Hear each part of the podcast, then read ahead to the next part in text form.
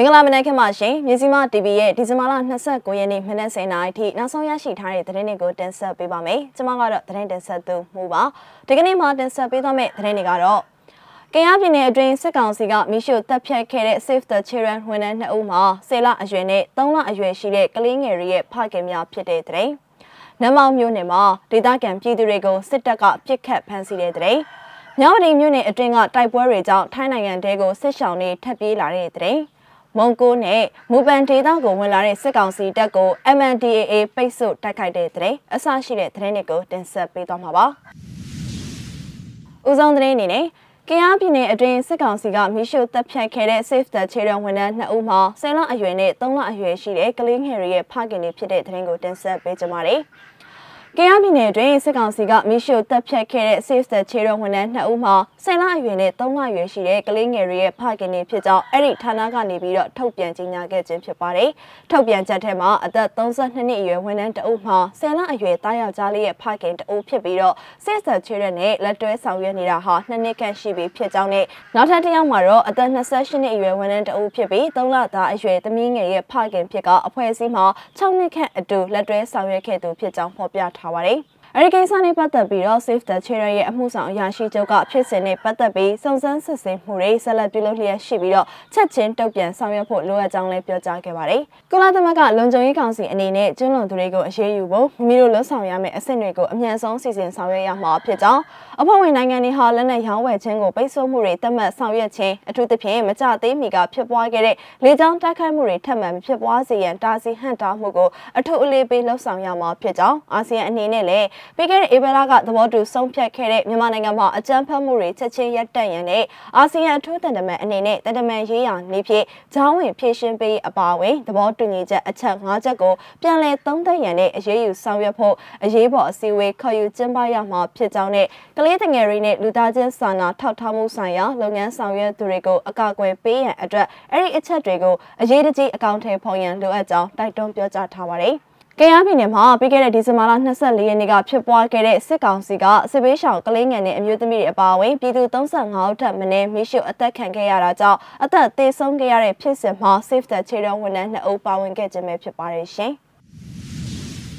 ဆက်လက်ပြီးနမောင်မြို့မှာဒေသခံပြည်သူတွေကိုစစ်တပ်ကပြစ်ခတ်ဖမ်းဆီးတဲ့သတင်းကိုတင်ဆက်ပေးကြပါမယ်။မကွေးတိုင်းနမောင်မြို့နယ်မှာရှိတဲ့လင်္ကရိုးရွာကဒေသခံ၃ကိုစစ်ကောင်စီတပ်ကအကြမ်းဖက်ပြစ်ခတ်ဖမ်းဆီးခဲ့ရမှာတအုပ်အပြင်းထန်ထရနဲ့ဖမ်းဆီးခံခဲ့ရကြောင်းဒေသခံသတင်းရင်းမြစ်ထံကနေသိရပါဗျ။ ဒီဇင်ဘာလ29ရက်နေ့ည10:00နာရီခန့်ကလင်္ကရိုးရွာမှာနေတဲ့ဦးသိန်းရွှေအသက်65နှစ်ဒေါ်ကျင်မီ52နှစ်ရဲ့သားကိုဖြိုးပိုင်ကို28နှစ်နေထိုင်ရာနေအိမ်ကိုစစ်ကောင်စီတပ်ဖွဲ့ဝင်တွေကမင်းမြတ်မှုတစုံတရာမရှိဘဲနဲ့တနက်နေ့ပြစ်ခတ်ဖမ်းဆီးမှုပြုလုပ်ခဲ့ခြင်းဖြစ်ကြောင်းသိရပါတယ်။ဒါကြောင့်ကိုပိုင်ဖြိုးကိုမှတနက်တန်ရအပြင်းထန်ရရှိခဲ့ပြီးဖမ်းဆီးသွားသူတွေဟာမြည်သည့်နေရာကိုဖမ်းဆီးခေါ်ဆောင်သွားတာကိုတော့မသိရသေးပါဘူးရှင်။ ဆက်လက်ပြီးမြောက်အထီမြို့နယ်ကတိုက်ပွဲတွေကြောင့်ထိုင်းနိုင်ငံတွေကိုစစ်ရှောင်တွေထပ်ပြေးလာတဲ့တဲ့တင်ကိုတင်ဆက်ပေးကြပါမယ်။ကရင်ပြည်နယ်မြောက်အထီမြို့နယ်အတွင်းစတိုက်ဖြစ်ပွားနေတဲ့တိုက်ပွဲတွေကြောင့်ကြောက်ခတ်ကျေးရွာအနီးမှာရှိတဲ့စစ်ရှောင်စခန်းတစ်ခုမှဒုက္ခသည်ရာနဲ့ချီထိုင်းနိုင်ငံကိုထွက်ပြေးတိမ်းရှောင်သွားကြောင်းမြေပြင်သတင်းရင်းမြစ်ထံကနေသိရပါဗျ။ စခန်းနဲ့ညီတဲ့ဖလူးကြီးမင်းလက်ပံနဲ့ဖလူးလေးရွာတွေကိုစစ်ကောင်စီတပ်ကဝင်ရောက်စစ်ဆေးနေကြောင်းနဲ့ဖလူးလေးစစ်ရှောင်းစခန်းမှာလူတွေထွက်ပြေးနေပြီးဖြစ်ကြောင်းသတင်းတွေထွက်ပေါ်လာပြီးတဲ့နောက်ထိုင်းနိုင်ငံတွေကိုထွက်ပြေးလာကြခြင်းဖြစ်ပါတယ်။မနေ့ကမနက်ပိုင်းကမင်းလက်ပံရွာဘက်ကိုအာနာသိန်းစစ်ကြောင်းများဝင်ရောက်လာတာကိုထိုင်းဘက်ချမ်းကနေလှမ်းမြင်နေရပါတယ်။ဒါကြောင့်ထိုင်းစစ်သားတွေနဲ့မြန်မာတွေဟာတောင်ရင်းမြစ်ဖေးမှာခိုလုံနေကြတဲ့ဒေသခံတွေအတွက်စိုးရိမ်နေကြပါတယ်။လေးကိကောမြို့တင်တဲ့အနီးတစ်ဝိုက်ကြေးရွာတွေဖြစ်တဲ့ဖလူးကြီးမဲထောက်တလေးထီမဲဝါခီစတဲ့ကြေးရွာအနီးမှာကရင်အမျိုးသားအစည်းအရုံး KNU ဦးဆောင်တဲ့ပူးပေါင်းတပ်တွေနဲ့စစ်ကောင်စီတပ်တို့တိုက်ပွဲပြင်းထန်နေခြင်းဖြစ်ပါတယ်ရှင်။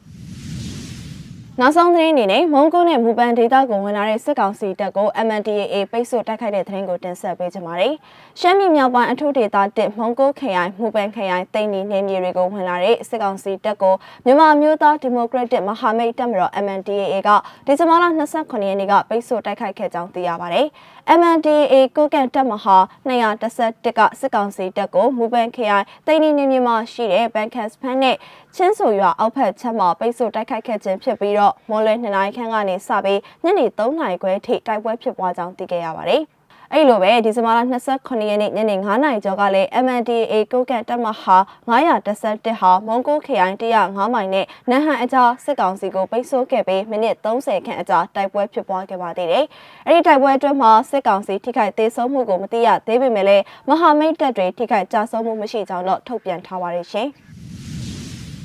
မြေစီမ TV ရဲ့ဒီဇင်ဘာလ29ရက်နေ့မနက်10:00နာရီထိနောက်ဆုံးရရှိထားတဲ့သတင်းတွေကိုတင်ဆက်ပေးခဲ့တာပါကြည့်ရှုနားဆင်ပေးခဲ့တဲ့အတွက်ကျေးဇူးတင်ပါတယ်မင်္ဂလာရှိတဲ့မနက်ခင်းဖြစ်ကြပါစေရှင်